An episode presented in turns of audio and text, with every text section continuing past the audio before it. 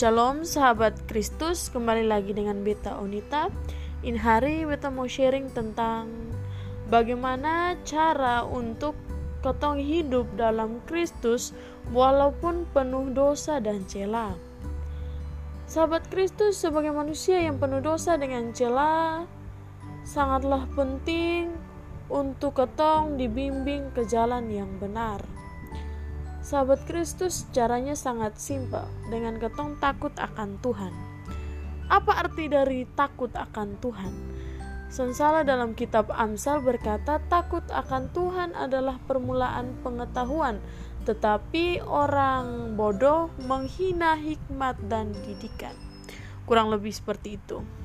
Artinya yang pertama ketong harus berhati-hati dalam ketong punya tindakan atau ketong punya perilaku. Ketong sonde mudah atau ketong jangan mudah terpengaruh dengan pergaulan yang buruk atau yang mendatangkan hal-hal yang negatif dalam ketong punya kehidupan.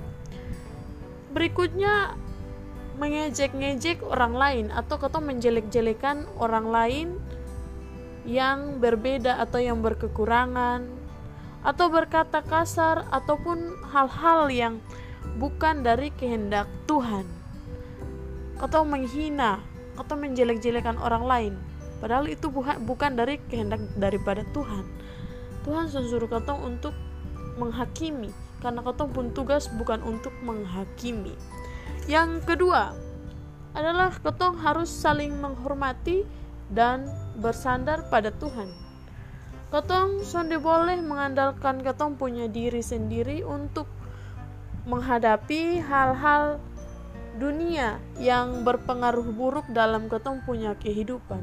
Tapi sebaiknya ketong beajak teman-teman semua, ketong harus minta perlindungan daripada Tuhan agar Tuhan memberi jalan keluar, memberi kemudahan untuk ketong menghadapi kehidupan dunia ini walaupun ketemu penuh dosa dan celah.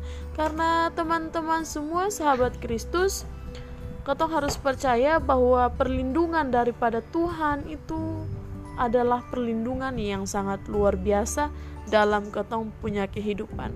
Kasih karunia itu selalu tersedia dalam ketong punya kehidupan setiap harinya. Jika ketong datang dan ketong percaya dan ketong mau takut akan Tuhan. Oke, shalom sahabat Kristus semua.